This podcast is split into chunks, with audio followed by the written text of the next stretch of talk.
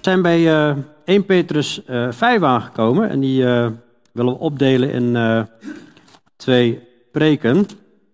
Het tweede deel gaat over de houding van de christen, nederigheid, maar ook dat Satan rondgaat als een, een brullende leeuw. En daar valt best wel wat over te zeggen, dus dat parkeren we even tot de volgende keer. En dan behandelen we vandaag vers 1 tot en met 4, zijn maar vier versen. En uh, daar willen we nog wat meer gedeeltes bij halen om te kijken van, ja, wat is het completere plaatje over dit gedeelte. 1 Petrus 5 vers 4, uh, 1 Petrus 5 vers 1 tot 4, ik lees het voor. De ouderlingen onder u roep ik het u op als mede-ouderling en getuige van het lijden van Christus en deelgenoot van de heerlijkheid die geopenbaard zal worden. Hoed de kudde van God, die bij u is, en hou daar toezicht op niet gedwongen, maar vrijwillig. Niet uit winstbejag, maar bereidwillig. Ook niet als mensen die heerschappij voeren over het erfdeel van de Here, maar als mensen die voorbeelden voor de kudde geworden zijn. En als de opperherder verschijnt, dan zult u de onverwelkbare krans van de heerlijkheid verkrijgen. Nou, nou zou je kunnen denken van, uh, nou, dat is een preek, die, die, die is gericht aan de ouderlingen, dus uh, zet mijn verstand uit en ik ga even een dutje doen. En dan uh, over drie kwartier word ik wel weer wakker. Hè? Maar ja, deze preek is gericht aan, aan Onno en mij, zeg maar. Maar dat is toch niet helemaal zo, hè? want heel de schrift is door God ingegeven. En, en 2 Timotheüs 3 vers 16 en 17. En is gegeven zodat de mens die God toebehoort volmaakt zal zijn. Tot ieder goed werk volkomen toegerust. Dus dit gedeelte is ook voor de hele gemeente om toegerust te zijn. Bovendien staat er ook bij dat uh, de ouderlingen mensen zijn die voorbeelden moeten zijn voor de, kudde. Dus als ze voorbeelden moeten zijn, en dan automatisch volgt navolging. Dus dan is dit gedeelte natuurlijk wel voor iedereen. Ik wil eigenlijk over vier punten hebben. De leidende herder, hoeden en voeden en taken van de herders. Hoewel hoeden en voeden ook taken van de herder is, maar dan wat meer in detail. en de opdracht en houding van gemeente richting de leiders. En terwijl ik dit doe, ik vind het altijd dubbel als je het hebt over geestelijk leiderschap, omdat ik zelf die rol vervul, wil ik dat doen uh, op een manier alsof het gaat over een, rol, maar probeer even, even de gezichten, Onno en Philip, los te koppelen. Dit gaat over een, een, een, rol, alsof hier iemand staat, maakt even niet uit wie dat is, en de geestelijke leiders die hebben een rol te vervullen, zeg maar. En tegelijkertijd eh, ja, moeten we ook kijken van, uh, gebeurt dat bijbeltrouw hier in deze gemeente? Maar we willen gewoon daar objectief naar kijken. Maar voordat we er wat dieper op ingaan, is het wel heel belangrijk om ook te beseffen dat we heel nauwkeurig moeten luisteren naar hoe Gods woord de dingen voorschrijft. In het Oude Testament gebeurt dat vaker niet. Nadab en Abihu, die hadden eigen ideeën. En die naderden met vreemd vuur tot God en die werden uh, verteerd door vuur. Je ziet ook uh, een opstand van Korach, Datan en Abiram naar Mozes toe. Er waren wel meer opstanden overigens. En die worden op een gegeven moment verzwolgen door de aarde vanwege opstand richting leiderschap. Dus dat is best wel iets serieus. En tegelijkertijd staan er ook waarschuwingen voor leiders. In 1 Korinthe 11 zie je dat door bestraffing van God waren in Korinthe zwakke, zieken en mensen gestorven vanwege ongehoorzaamheid. En de oproep in Efeze 5, let erop dat u nauwkeurig, nauwgezet wandelt, niet als dwazen, maar als wijze en buiten geschikte tijd uit, omdat de dagen vol kwaad zijn. Wees daarom niet onverstandig, maar begrijp wat de wil van de Heer is. Dus ook in dit onderwerp denk ik dat het belangrijk is dat we heel nauwkeurig daar naar kijken en dat ook uitvoeren. En ik heb ja, het eerste subkopje even de leidende herder genoemd. En want in hoofdstuk 5, vers 1, dan zie je de ouderling, de ouderlingen onder u, roep ik het u op, als mede-ouderling en getuige van het lijden van Christus en deelgenoot van de heerlijkheid die geopenbaard zal worden. En dan komt het dubbele punt, hè, hoe te kudden van God die bij u is. waarom, waarom haalt hij het lijden van Christus en deelgenoot zijn van die heerlijkheid die geopenbaard zal worden? Waarom haalt hij dit erbij? Nou, we hebben gezien, de Petrusbrief gaat een en al over het lijden als christen op allerlei terreinen van het leven. Ongeveer 21 keer gaat deze hele korte brief van vijf hoofdstukken, 21 keer gaat het over lijden. Ofwel het woord wordt genoemd, ofwel de omschrijving van het lijden. Dat is best wel vaak. En ik geloof ook dat hier de, de ouderlingen uh, geen uitzondering zullen zijn. En dat hij meteen ook wijst naar het lijden van Christus. Als Christus als leider geleden heeft, dan zullen ook de ouderlingen, de geestelijke leiders ook lijden. Want er staat ook niet voor niks die bemoediging, geloof ik, in vers 4. En als de opperherder verschijnt, dan zult u de onverwelkbare krans van de heerlijkheid verkrijgen.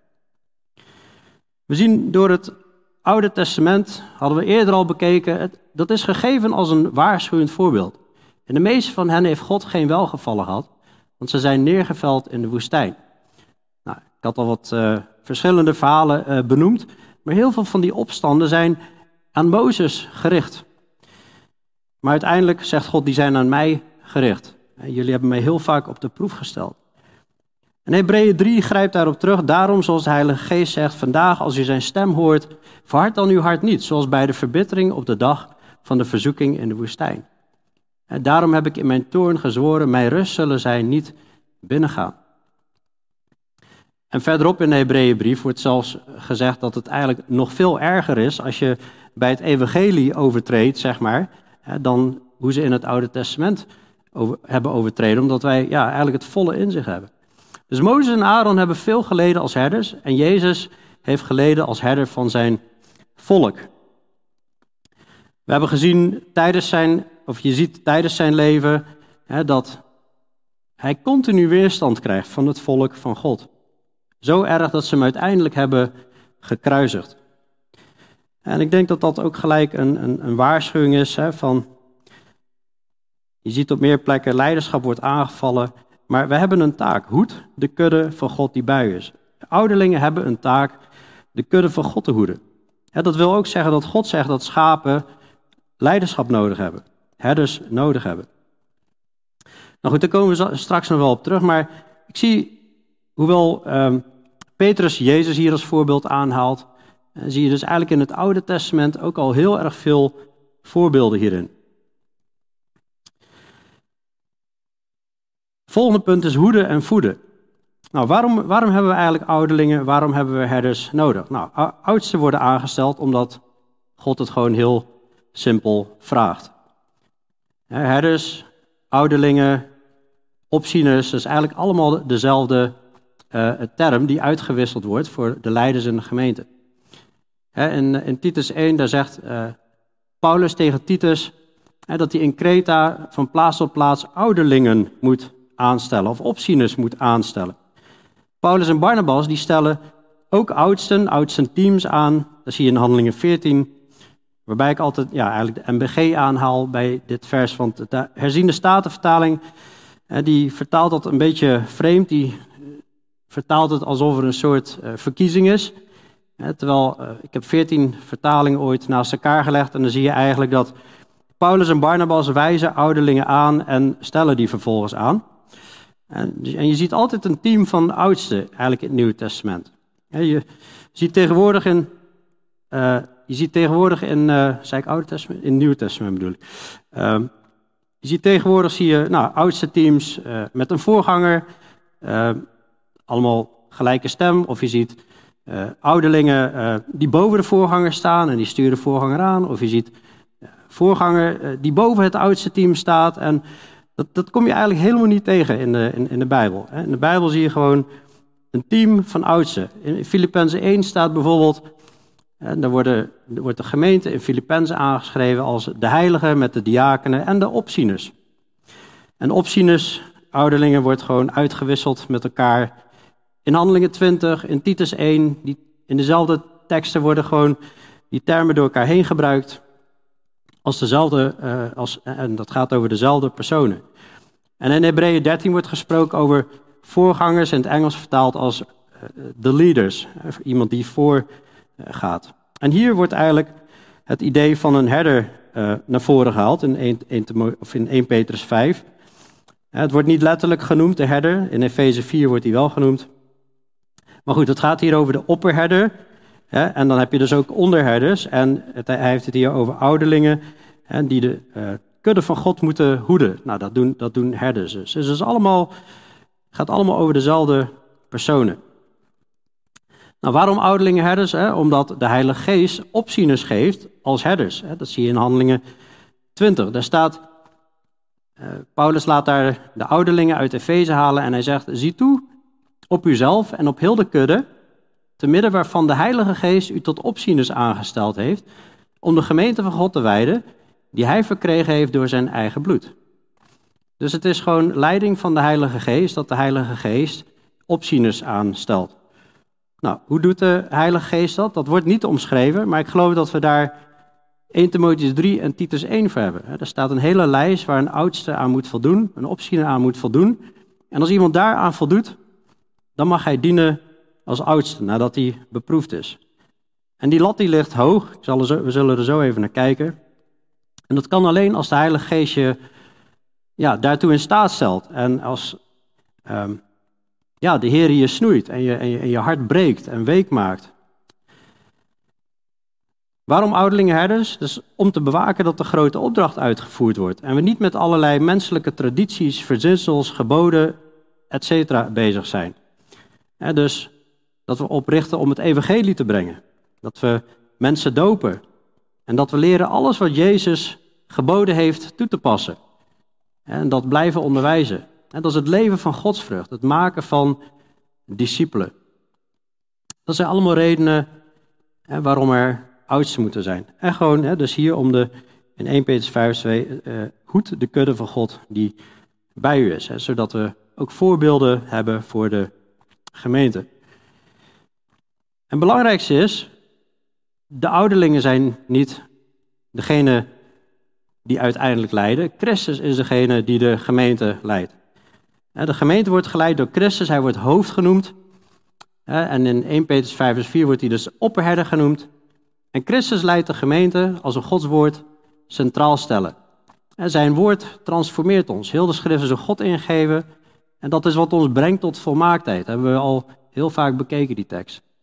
En Jezus zei, als u in mijn woord blijft, bent u werkelijk mijn discipelen. Werkelijk mijn volgelingen betekent dat.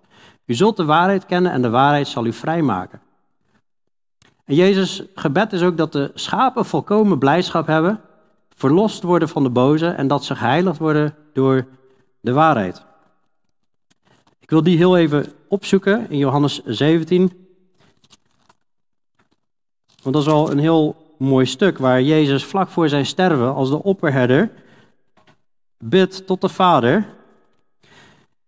En dan zegt hij in vers 13, nu kom ik naar u toe Johannes 17, vers 13. Nu kom ik naar u toe en spreek dit in de wereld, opdat zij ten volle mijn blijdschap in zichzelf hebben. Dus de Heer Jezus wil dat wij ten volle zijn blijdschap in ons hebben. Ik heb hun uw woord gegeven. Jezus kwam om het woord van de Vader door te geven. En de wereld heeft hen gehaat. Omdat zij niet van de wereld zijn, zoals ik niet van de wereld ben. Ik bid niet dat u hen uit de wereld wegneemt, maar dat u hen bewaart voor de boze. Jezus wil dat we bewaard worden van, van de boze. Ze zijn niet van de wereld zoals ik niet van de wereld ben. En heilig hen door uw waarheid. Uw woord is de waarheid. dus hierdoor worden we geheiligd. Dat zien we in Efeze 5, in de, in de liefde voor Christus, voor de gemeente. Hij reinigt haar met het badwater van het woord, zodat hij haar vlekkeloos, zonder vlek, zonder rimpel of iets dergelijks voor zich zou stellen. Jezus zegt ook, mijn schapen horen mijn stem, ik ken ze en zij volgen mij. Wij herkennen schapen van Jezus aan het feit van die horen de woorden van God en die volgen Jezus. Dus als die onderherders gewoon de woorden van God spreken, dan zullen de schapen van Jezus zullen de stem van de herder horen. Dus een onderherder, die, ja, hier, hier is de opperherder en, en die geeft eigenlijk gewoon het woord van God door, alsof God zelf zou spreken. Dat is wat je moet doen. En we hadden eerder ook gelezen in het vorige hoofdstuk van als iemand spreekt, laat die spreken Als iemand die de woorden van God spreekt. Een leiderschap met godsvrucht is een gemeente met godsvrucht. Tenminste, als je in de goede aarde zit, als je hart in de goede grond zit. Ongezond leiderschap, een leiderschap wat niet voldoet aan de eisen in 1 Timotheüs 3 en Titus 1, dat zal een ongezonde gemeente geven. En we zijn voorbeelden voor de kudde. En dat vind ik zelf bijna angstaanjagend, weten dat we God moeten vrezen en kijken naar de verhalen van de herders in het Oude Testament die het niet goed deden. Denk, oeh, enorme verantwoordelijkheid rust er op de schouders van ouderlingen en herders. En de lat ligt hoog voor wat betreft eisen aan de oudste. Nou, daar hebben we ook een preek over, maar ik wil toch even kort die, die gedeeltes lezen.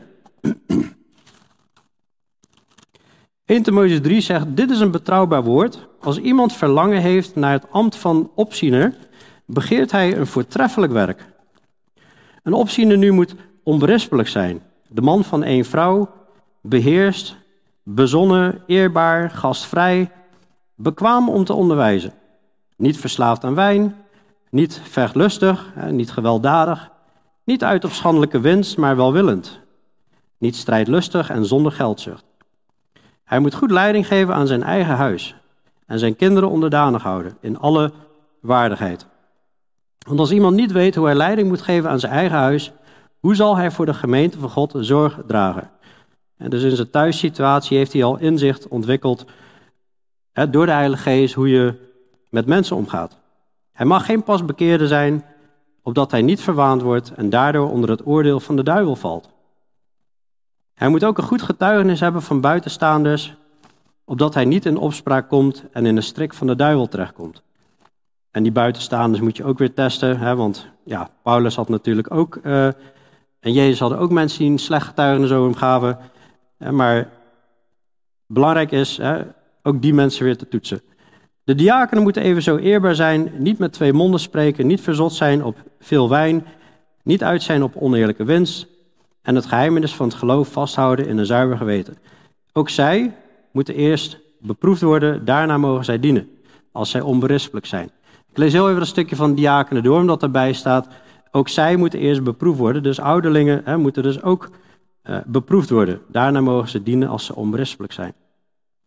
En dan zie je in, in Titus 1 bijna hetzelfde omschreven, maar toch weer net met andere woorden. Zo interessant om dat eens naast elkaar te leggen.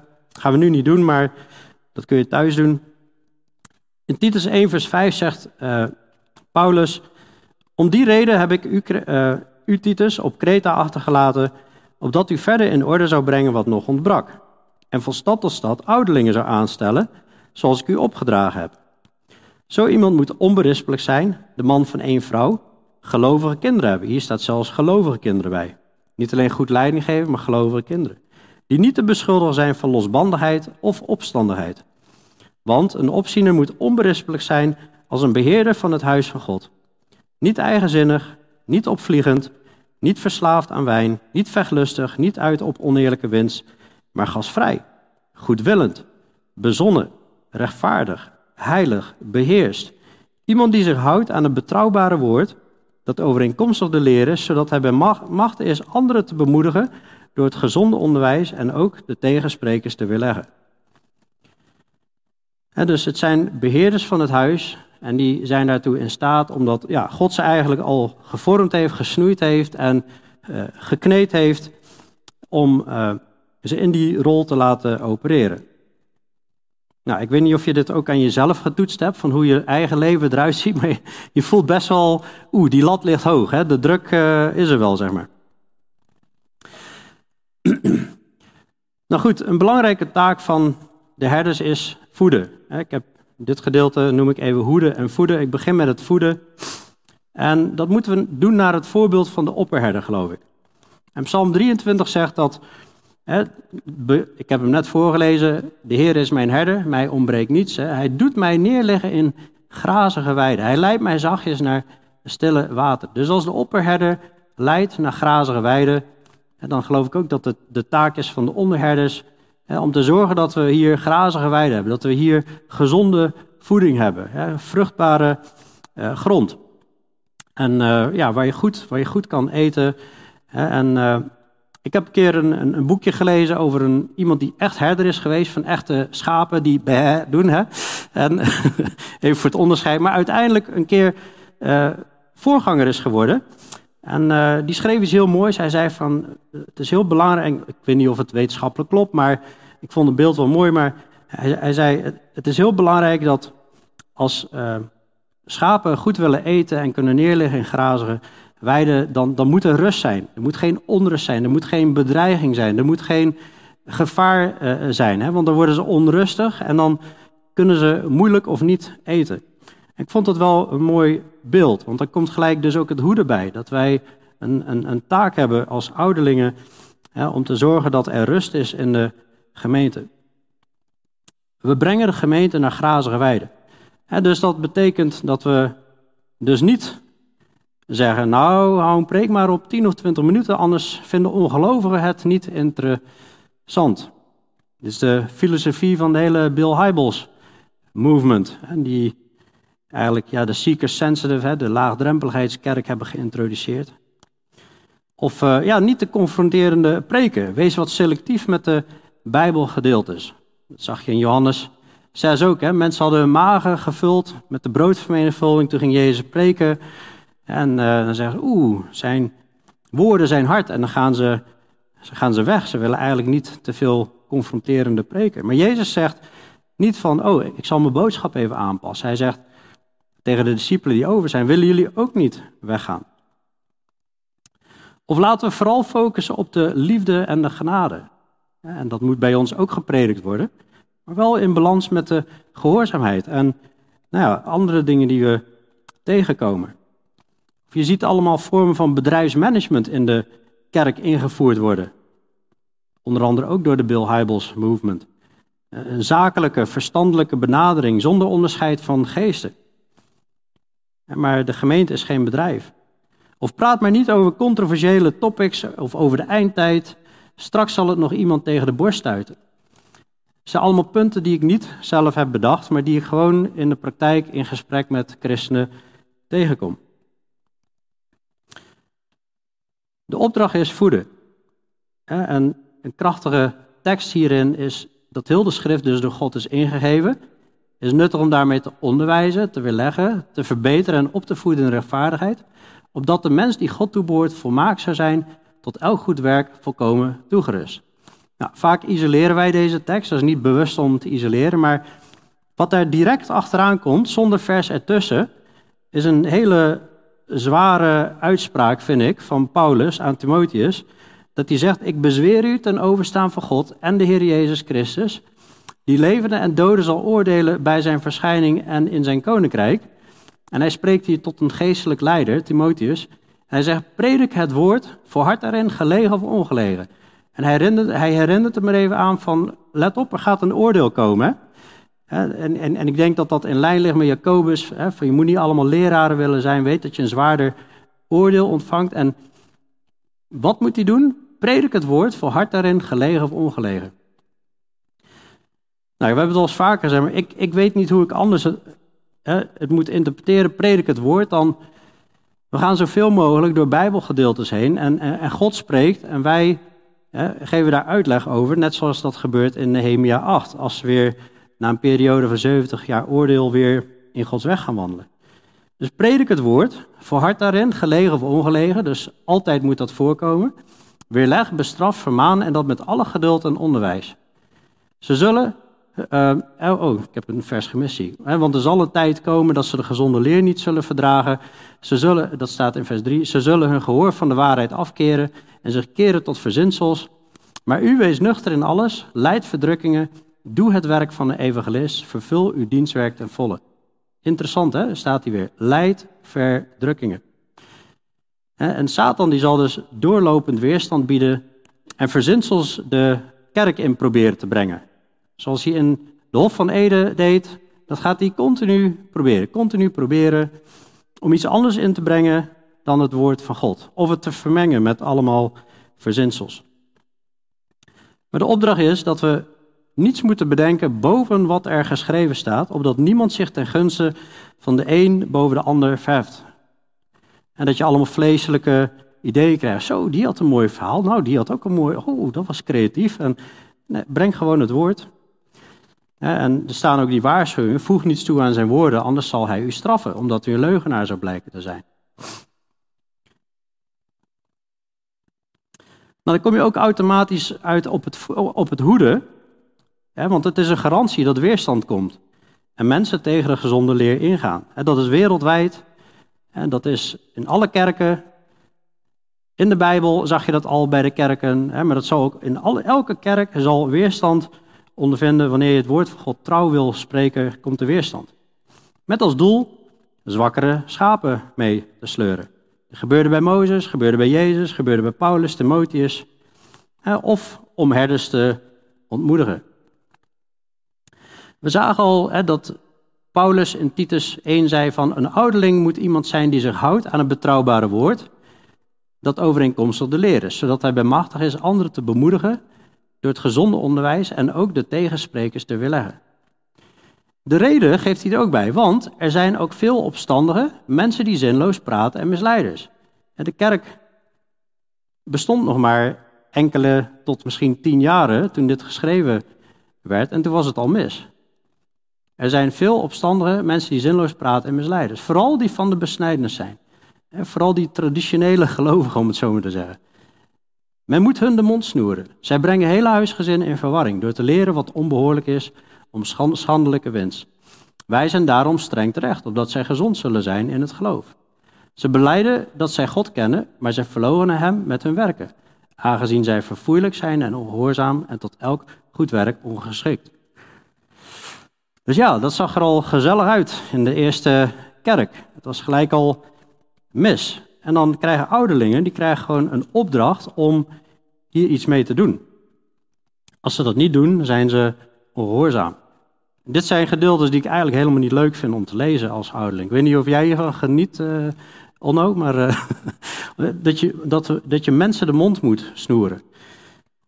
Nou, dat doe ik liever niet, maar Wanneer het nodig is om de rust te bewaren, dan hebben wij geen andere keuze. Anders zijn we ongehoorzaam aan de Heer. En Jezus zegt, wie mij geboden heeft en ze bewaart, die is het die mij lief heeft. En als we rust in de gemeente willen bewaren, terwijl ja, iemand in een strik van de duivel zit of ons opstandig is, dan kun je niet anders.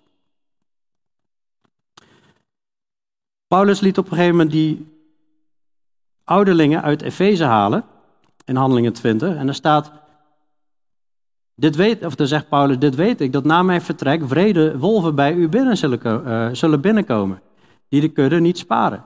En dat uit uw eigen midden mannen zullen opstaan die de waarheid verdraaien, om de discipelen weg te trekken achter zich aan. Daarom, wees waakzaam en bedenk dat ik drie jaar lang, nacht en dag, niet heb opgehouden iedereen onder tranen terecht te wijzen. En, en, en dat is dus echt een herderhart, hè, die drie jaar lang onder tranen, en wil hij mensen in de weg van de Heer brengen. En dat gaat hem aan, aan, aan, aan het hart. Maar zijn taak zit erop en hij zegt, ja jongens, het is nu aan jullie. Het is nu aan jullie om dit verder op te pakken. En hij profiteert, het gaat niet makkelijk worden. Dus de taak van de oudste is wel hier, iets mee te doen. Opstandigen de mond smoeren, mensen die zinloos praten en misleiden, zuurdeeg buiten houden, de gemeente beschermen van gevaar. We worden beheerders van het huis van God genoemd in Titus 1. Eh, en mensen die de waarheid verdraaien en mensen meetrekken, dat, dat, dat moet aangepakt worden. En je kunt ze niet herkennen aan, ze, aan het gezicht. Je denkt van, oh, een wolf in uh, schaapskleren, die zal oh, heel boos eruit zien en zo. nee, je kunt, je kunt, het, het, kan een goede vriend zijn, het kan een familielid zijn, het kan iemand zijn die je al tien jaar kent. Dat is wat er gebeurt, helaas. En het kan er venijnig aan gaan. Er staat uh, opstandigen, maar, het kan er verenigd aan toegaan, maar opstandigen hebben groot probleem met God, omdat ze Gods gemeente aanvallen en de herders die door Jezus aangesteld zijn. Je ziet in Judas 1, niet te min bezoedelen deze dromers ook nu op dezelfde wijze hun lichaam en zij verwerpen het gezag en lasteren al wat eer toekomt. Ik sla je wat stukken over, omdat anders te veel wordt. Deze mensen lasteren alles waarvan zij geen kennis hebben er wordt gesproken over wee hun, want zij zijn de weg van Kain ingeslagen. Kain sloeg zijn broeder dood. Uh, ze zijn door het tegenspreken als van Korach omgekomen. Dat verhaal waar ze verzolgen worden door de aarde. op dezelfde manier zijn er mensen opstandig in de kerk. Het zijn wolken zonder water die door winden heen en weer gedreven worden. Ze zijn als bomen in de late herfst zonder vrucht, tweemaal gestorven en ontworteld. Ze zijn wilde golven van de zee die hun eigen schandaden opschuimen. Dwaalsterren voor wie de diepste duisternis tot een eeuwigheid bewaard wordt. Nou ja, het zou maar over je gezegd worden, over je geschreven worden. Hè? Dus, uh, daar zou ik niet vrolijk van worden als dit over mij geschreven werd. Maar dat waren dingen die al in de vroege kerk gebeurden. En het zal in onze tijd niet anders zijn. We kunnen met valse schapen te maken krijgen. Wolven in schaapskleren. Jezus zei aan de vrucht herken je de boom. Maar het kan ook zo zijn dat een wedergeborene zich tijdelijk richt op het vlees en door Satan gebruikt wordt. Dat zie je in 2 Timotheus. Verwerp dwaze en onverstandige strijdvragen en besef dat zij conflicten voorbrengen. Een dienstknecht van de Heer moet geen ruzie maken, maar vriendelijk zijn voor allen, bekwaam om te onderwijzen en iemand die de kwade kan verdragen. Hij moet met zachtmoedigheid hen onderwijzen die zich verzetten. Misschien geeft God hun eens bekering, zodat ze tot erkenning van de waarheid komen en zij weer mogen ontwaken uit de strik van de duivel. Ik baseer dat, dat ik denk dat het over wedergeboren gaat op dat die staat en dat zij weer mogen ontwaken uit de strik van de duivel, door wie zij levend gevangen waren om zijn wil te doen. Dus het is heel erg oppassen van, is datgene wat ik aan het doen ben, is dat wat in de Bijbel staat? Of, of ben ik met iets anders bezig? En de schaap zal uiteindelijk of een keer luisteren of door de Heer bestraft worden. Dat zegt Hebreeën 12. Dit kan zijn eh, voordat tucht plaatsvindt of uh, eventueel erna. En een wolf in schaapskleren zal zich niet bekeren of tijdelijk voor de schijn tot valse inkeer komen. 2 Korinthe 11 zegt geen wonder, want de Satan zelf doet zich voor als een engel van het licht. Het is dus niets bijzonders als ook zijn dienaars zich voordoen als dienaars van gerechtigheid. Hun einde zal zijn overeenkomstig hun werken. En Paulus had hier dus zelf te maken met lieden die zijn apostelschap betwisten, die eigenlijk het leiderschap aanvielen van Paulus. Daar gaat de 2 Korinthe, 2 Korinthe brief een eh, groot deel over. Waarna hij getuigt van het uitzonderlijke lijden en strijden dat hij gedaan heeft voor de gemeente. Een hele lijst met allemaal lijden wat hij heeft meegemaakt. Dus ja, dat zijn allemaal dingen die omschreven worden in de Bijbel. En dit is nog maar een, kleine selectie. Er zijn nog veel meer gedeeltes die hierover gaan. Maar goed, uh, we hebben niet tot uh, vannacht uh, de tijd, zeg maar. Maar het is interessant om eens te bestuderen verder. En voor de rest heb je taken van herders. Nou goed, hoeden en voeden, zei ik al. Dat zijn natuurlijk taken. Maar ik wil het iets hebben, iets, iets meer over, iets meer in detail gaan hoeden en voeden. Dus, voordat we dat doen, wil ook eerst even kijken naar de houding. De houding van een, een herder.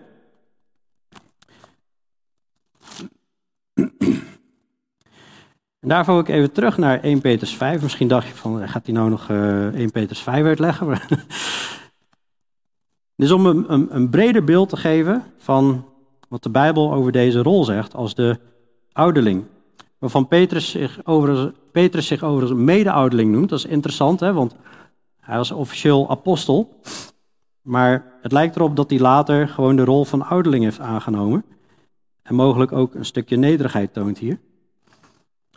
Maar in ieder geval, vers 2 zegt, hoed de kudde van God die bij u is.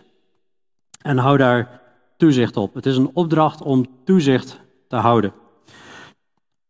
En dan staat er, niet gedwongen. Hij voert zijn taak niet uit, uit dwang. Niet dat omdat een groep mensen zegt, jij moet dit gaan doen. Nee, hij doet dit vrijwillig, is het volgende punt. En dus uit, uit vrije wil. Niet omwille van winstbejag. Ja, in het Engels staat er smerige winst. Ehm, wat niet betekent dat je wel je mag als ouderling van het evangelie leven. Hè. Daar is ook een ander gedeelte over geschreven. Maar het, het, moet niet gaan om winst. Want uh, nou goed, er zijn allemaal welvaartsevangelisten die daar wel gruwelijk gebruik, misbruik van maken. Hij moet het bereidwillig doen. hij wil dit dus graag. met passie. Hij moet het, eh, als iemand het verlangen heeft, hebben we net gelezen in 1 Timotheüs 3, van, van het ambt van opzienerschap, dat, dat is een voortreffelijk werk. Dat verlangen moet erin zijn. Hij doet het welwillend, zegt uh, 1 Timotheus 3 ook. dus bereidwillig. Ook niet als mensen die heerschappij voeren over het erfdeel van de Heer. Nou, dit wordt wel eens uit zijn verband getrokken. Hè, door mensen die zeggen van. Ja, een, uh, een herder, een, een, voorganger heeft niks te zeggen over mij. Want uh, ja, hij moet geen heerschappij over mij voeren. Uh, hij moet alleen maar een voorbeeld zijn. En verder heeft hij niks te, te zeggen. Nou, daar wordt er niet helemaal mee bedoeld. Um, dat woord heerschappij, dat is wel interessant. Het woord dat hier gebruikt wordt, wordt op drie plaatsen in de Bijbel gebruikt. En, uh, bijvoorbeeld in Marcus 10, Matthäus 20. En dat wordt gebruikt voor de Romeinse overheersers. En als je dan in, in Daniel kijkt, hoe het Romeinse Rijk, wat toen nog komen moest, omschreven wordt. Dat is een koninkrijk sterk met de hardheid als van ijzer. Het verbrijzelt, het vergruist en het verplettert alles. Nou, lijkt me niet echt een hele prettige houding als een ouderling uh, uh, verbrijzelt, vergruist en, en verplettert. In Handelingen 19 wordt het woord gebruikt hè, door iemand uh, die overmeestert. Uh, in Handelingen 19, vers 16 overmeestert een man met een boze geest zeven mannen. En de man in wie de boze geest zich bevond, die sprong op hen af. En toen hij hen overmeesterd had, bleek hij sterker dan zij, zodat zij naakt en gewond uit dat huis vluchtten. dus ja, dit is gewoon ontzettend gewelddadig. Dus dat moeten we niet doen. Hè. Niet zoals de Romeinse overheersers leiding geven, maar als mensen die voorbeelden voor de kudde zijn geworden. Maar tegelijkertijd hebben we gezien van, ja, dat mensen, dat ouderlingen wel op een gegeven moment mensen streng terecht moeten wijzen die er een potje van maken. Dus geen dictatorhouding dus, geen agressie of bruut geweld. In 1 Timotheus 3 lees je niet vechtlustig, dat is echt een vechthouding. Gewoon, lijkt echt gaan over met de vuisten.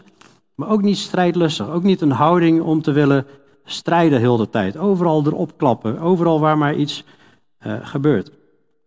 En tegelijkertijd hè, in balans met, als er echt zonde is, of echt valse leer, moeten we wel iets doen. Dus die moet een voorbeeld voor de kudde zijn. En tegelijkertijd wordt onderdanigheid en gehoorzaamheid geboden aan de leiders van de gemeente. In een nederige houding als je de lijst ziet in 1 Timotheus 3 en Titus 1, dan gaat dat over prettig, aangename personen die, die liefdevol voor de kudde zorg dragen. Zoals ze voor hun eigen huis zorg dragen. Ja, het is niet de bedoeling dat Onno en ik thuis met, een, met, een vuistkaart op tafel slaan en uh, weet ik veel, uh, lomp met onze kinderen omgaan. En ja, die houding in de gemeente doorzetten. Gastvrij. Zoekt Gods woord grondig uit, bemoedigt, kan goed zaken weerleggen waar een en ander niet klopt. En dus dat is wat de Bijbel eigenlijk voorlegt. En het is heel belangrijk voor ons als gemeente dat we dat en dus eigenlijk terugzien, want dat geeft ook een gezonde gemeente. Met dus de oproep om dat na te volgen. Nou, heel praktisch, en dan ga ik vrij snel doorheen. ouderlingen zijn zoekend in gebed welke voeding, welk onderwijs de gemeente nodig heeft. En we zien toe op het onderwijs in de liederen. Je kunt zelfs door de liederen allemaal dwaling hebben. En wat, wat, wat gebeurt er bij de kidsclub? Uh, op de mannen- en vrouwenavonden. Ouderlingen worden opgeroepen om de zieken te zalven. Als iemand ziek is, mag hij de ouderlingen bij zich roepen en dan kunnen ze gezalfd worden. Uh, het toezicht houden, het beheer van het huis van God. laat alle dingen op gepaste wijze en in goede orde gebeuren. Zien toe op wie spreekt of gastspreker is. In de dienst, bij mannen-vrouwenavonden, kidsclub. Help ook andere potentiële leraars of diakenen, ouderlingen, zendelingen groeien om tot hun dienstwerk te komen. Rust ook de heiligen algemeen toe tot het werk van dienstbetoon, tot opbouw van het lichaam van Christus en bepalen of iemand al toe is aan een bepaalde taak. Daar is onderscheid weer voor nodig.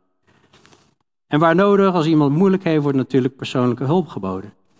Maar ook belangrijk om te beseffen hè, dat de prediking, hè, het woord van God, hè, dat is ook al hulp. Dat is ook al voedsel voor de ziel, waardoor we kunnen groeien en de blijdschap van God kunnen krijgen. Spreken af met mensen die lid willen worden of zich willen laten dopen. En als beheerders van het huis van God uh, begeleiden ook het proces van gemeentetucht. Hè, dat leiden we in goede banen. En uh, Paulus noemt het zelfs hè, iemand overgeven aan Satan Nou, er valt veel over te zeggen, maar er wordt te veel voor nu. Zou je een aparte studie over kunnen doen. Daar hebben we ook wel eerder over gepreekt, als je er meer over wil weten. Ligt ook wakker als het met iemand in de gemeente niet goed gaat. Zien toe op financiën, zien toe op aantal gemeenteactiviteiten en wie het leidt. Stellen ouderlingen en diaken aan. Um, dus dat is heel praktisch in de praktijk. Ja, wat, als, als je misschien afvraagt, ja, wat doen jullie eigenlijk allemaal? Nou, dat dus. En uh, nou goed, dat is niet alles, maar in hoofdlijnen wel. Maar de basis is gewoon hè, richten op de liefde, richten op Gods woord. Paulus gaf Timotheus de opdracht dat hij in Efeze moest blijven om sommigen te bevelen geen andere leer te onderwijzen. En mensen die zich bezighouden met, eh, met verzinsels. Het einddoel van het gebod is liefde die voortkomt uit een rein hart, een goed geweten en ongeveinsd geloof. Dat is de kern waar we op moeten richten. Dat is waar Gods woord zich ook op richt. Sommigen zijn daarvan afgeweken en hebben zich gewend tot zinloos gepraat. Ze willen leraars van de wet zijn en hebben geen inzicht in wat zij zeggen en evenmin in wat zij zo sterk benadrukken. dus uh, Jacobus zegt dus ook, je moet geen, niet allemaal leraars willen zijn, dan zul je een zwaarder oordeel krijgen. dus dat, dat komt eigenlijk continu terug. En God ziet de herderschap ook echt als een serieuze taak. In het Oude Testament zie je dat uh, God door de profeten daar dus van alles en nog wat over zegt. Uh, priesters zeiden niet, waar is de Heer? En zij die de wet hanteerden, kenden mij niet. De herders kwamen in opstand tegen de Heer. En de profeten profeteerden namens de Baal. Ze gingen achter dingen aan die niet van nut zijn. En daarom zal ik u nog ter verantwoording roepen, spreekt de Heer. En dus ook herders hebben een grote verantwoordelijkheid. God zegt dan tegen Jeremia: Ik zal u herders geven naar mijn hart. En wat is een herder naar Gods hart? En dat is, die zullen u weiden, hè, een grazige weide brengen, weiden en, met kennis en verstand. Kennis van Gods woord. In plaats van, we doen maar wat. Nou, ik heb hier plaatjes onderaan, onderaan Benny Hinn, een bekende met zijn jasje die mensen omverslaat. Of, uh, nou, this pastor met de regenboogkleuren loves you. Nou, behoeft weinig uitleg, denk ik. Spurgeon die schreef al, ja, het is een beetje klein. Er komt een tijd dat in plaats van dat de uh, herders die de schapen moeten voeden, hè, dat de kerk clowns zal hebben die de geiten gaan vermaken eigenlijk. En die de bokken gaan, uh, de bokken moet ik zeggen, de bokken gaan vermaken. En tegenwoordig, ja, ik weet als je op YouTube kijkt, als je, als je podium er niet ongeveer zo uitziet, dan ben je eigenlijk al bijna niet meer interessant. Hè? Het moet allemaal spectaculair eruit zien. Nou, vele herders hebben mijn wijngaard te gronden gericht. En dus elke keer is het wat anders. Ze hebben mijn stuk land hebben ze vertrapt. Mijn begerenswaardige stuk land gemaakt tot een woeste wildernis. Het is een zware waarschuwing ook aan herders. Ezekiel zegt ook, het woord van de Heer kwam tot mij.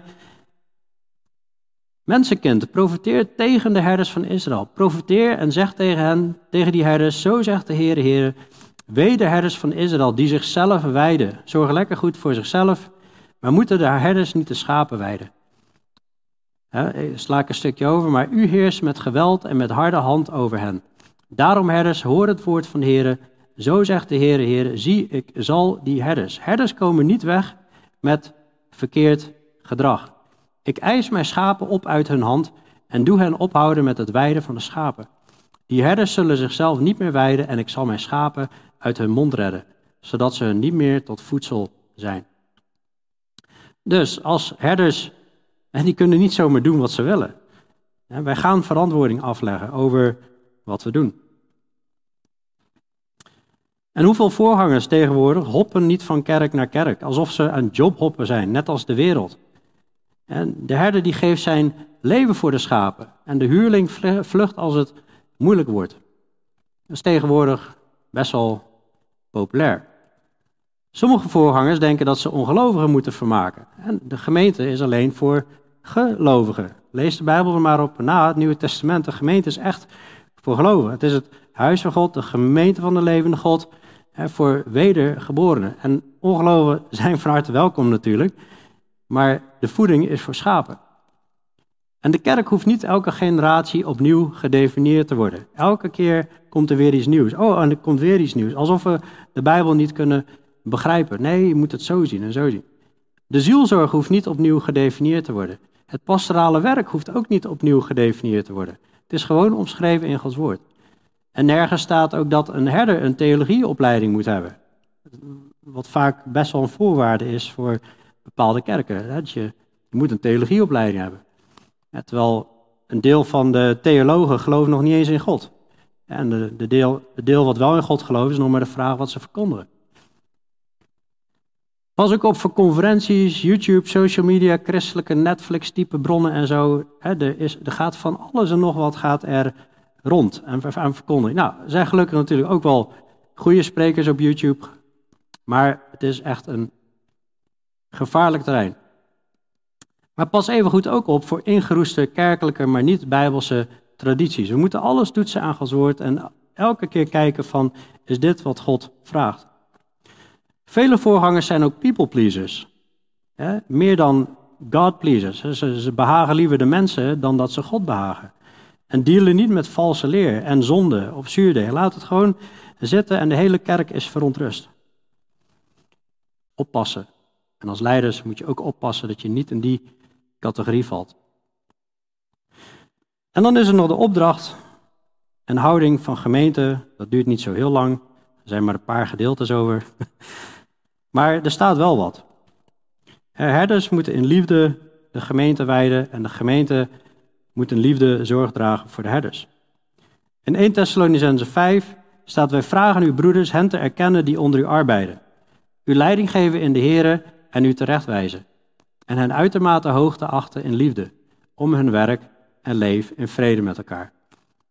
En nogmaals, ik haal deze teksten niet aan hè, voor mezelf, maar het gaat om iemand die die rol vervult. Daarvan zegt God ja. En daar hangen gezichten aan binnen uh, Huizen God. Dat zijn Onno. Maar dit is een opdracht hoe je met je leiders op moet gaan. En uitermate hoog te achten in liefde om hun werk en leef in vrede met elkaar. Denk aan uw voorgangers, die het woord van God tot u gesproken hebben. Let op de uitkomst van hun levenswandel en volg hun geloof na. Kijk, en dit stukje, dat matcht weer heel mooi met 1 Petrus 5, vers 3. dus die herders zijn voorbeelden voor de kudde. En wat moet de gemeente doen? Let op hun levenswandel, de uitkomst ervan en volg hun geloof na. Dus de een gaat voor en de ander volgt na. En dat is echt niet ter ere van Philip of Onno, het is allemaal ter ere van God. Want hij is het die ons gesnoeid heeft, die onze harten gebroken heeft en op de knieën gebracht heeft. En alle eer is aan hem.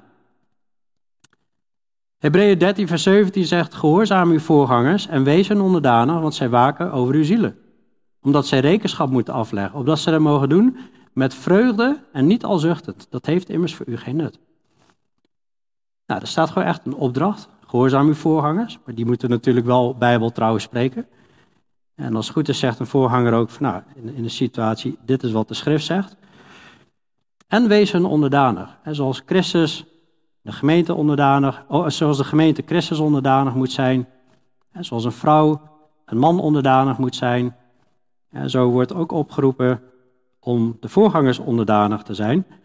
En dat is dus geen heerschappij, dat is geen dominante houding, maar zoals een huwelijk een hele mooie plek van vrede kan zijn, een stukje hemel op aarde, zo ook als iedereen in de gemeente in zijn of haar rol gaat wandelen, en dan wordt dat vreugde en dan wordt dat een stukje hemel op aarde.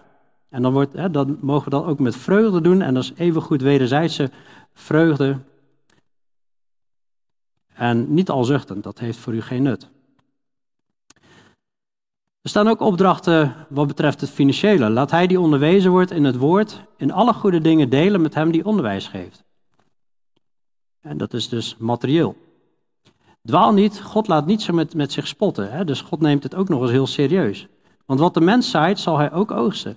Want wie in zijn eigen vlees zaait, dus vooral in je eigen persoonlijke dingen investeren, zal uit het vlees verderf oogsten, maar wie in de geest zaait, zal uit de geest het eeuwige leven oogsten. Nou, deze tekst staat niet op zich, want in 1 Timotheus 5 staat ook, laat ouderlingen die goed leiding geven, dubbele eer waard geacht worden, vooral degenen die arbeiden in het woord en in de leer. Want de schrift zegt, een dorstende os mag u niet melk korven, de arbeider is zijn loon waard. Een os muilkorven, dat is terwijl hij zijn werk aan het doen is, het kaf van het koren scheiden is, dat aan, aan het vertrappen, zodat het koren uh, naar boven komt. En dan mag hij van eten, terwijl hij hard werk aan het doen is. Die moet je niet melkorven, hè? dat is eigenlijk wreed, zeg maar, wanneer een, een os dat doet. Nou, zo wordt dat eigenlijk vergeleken met uh, de oudste. En tegelijkertijd ook een, een, waarschuwing aan de gemeente: neem tegen een ouderling geen beschuldiging aan, tenzij er twee of drie getuigen zijn. Wij zijn die zondigen in tegenwoordigheid van alle terecht, opdat ook de anderen vrees zullen hebben. En dus niet zomaar iets roepen.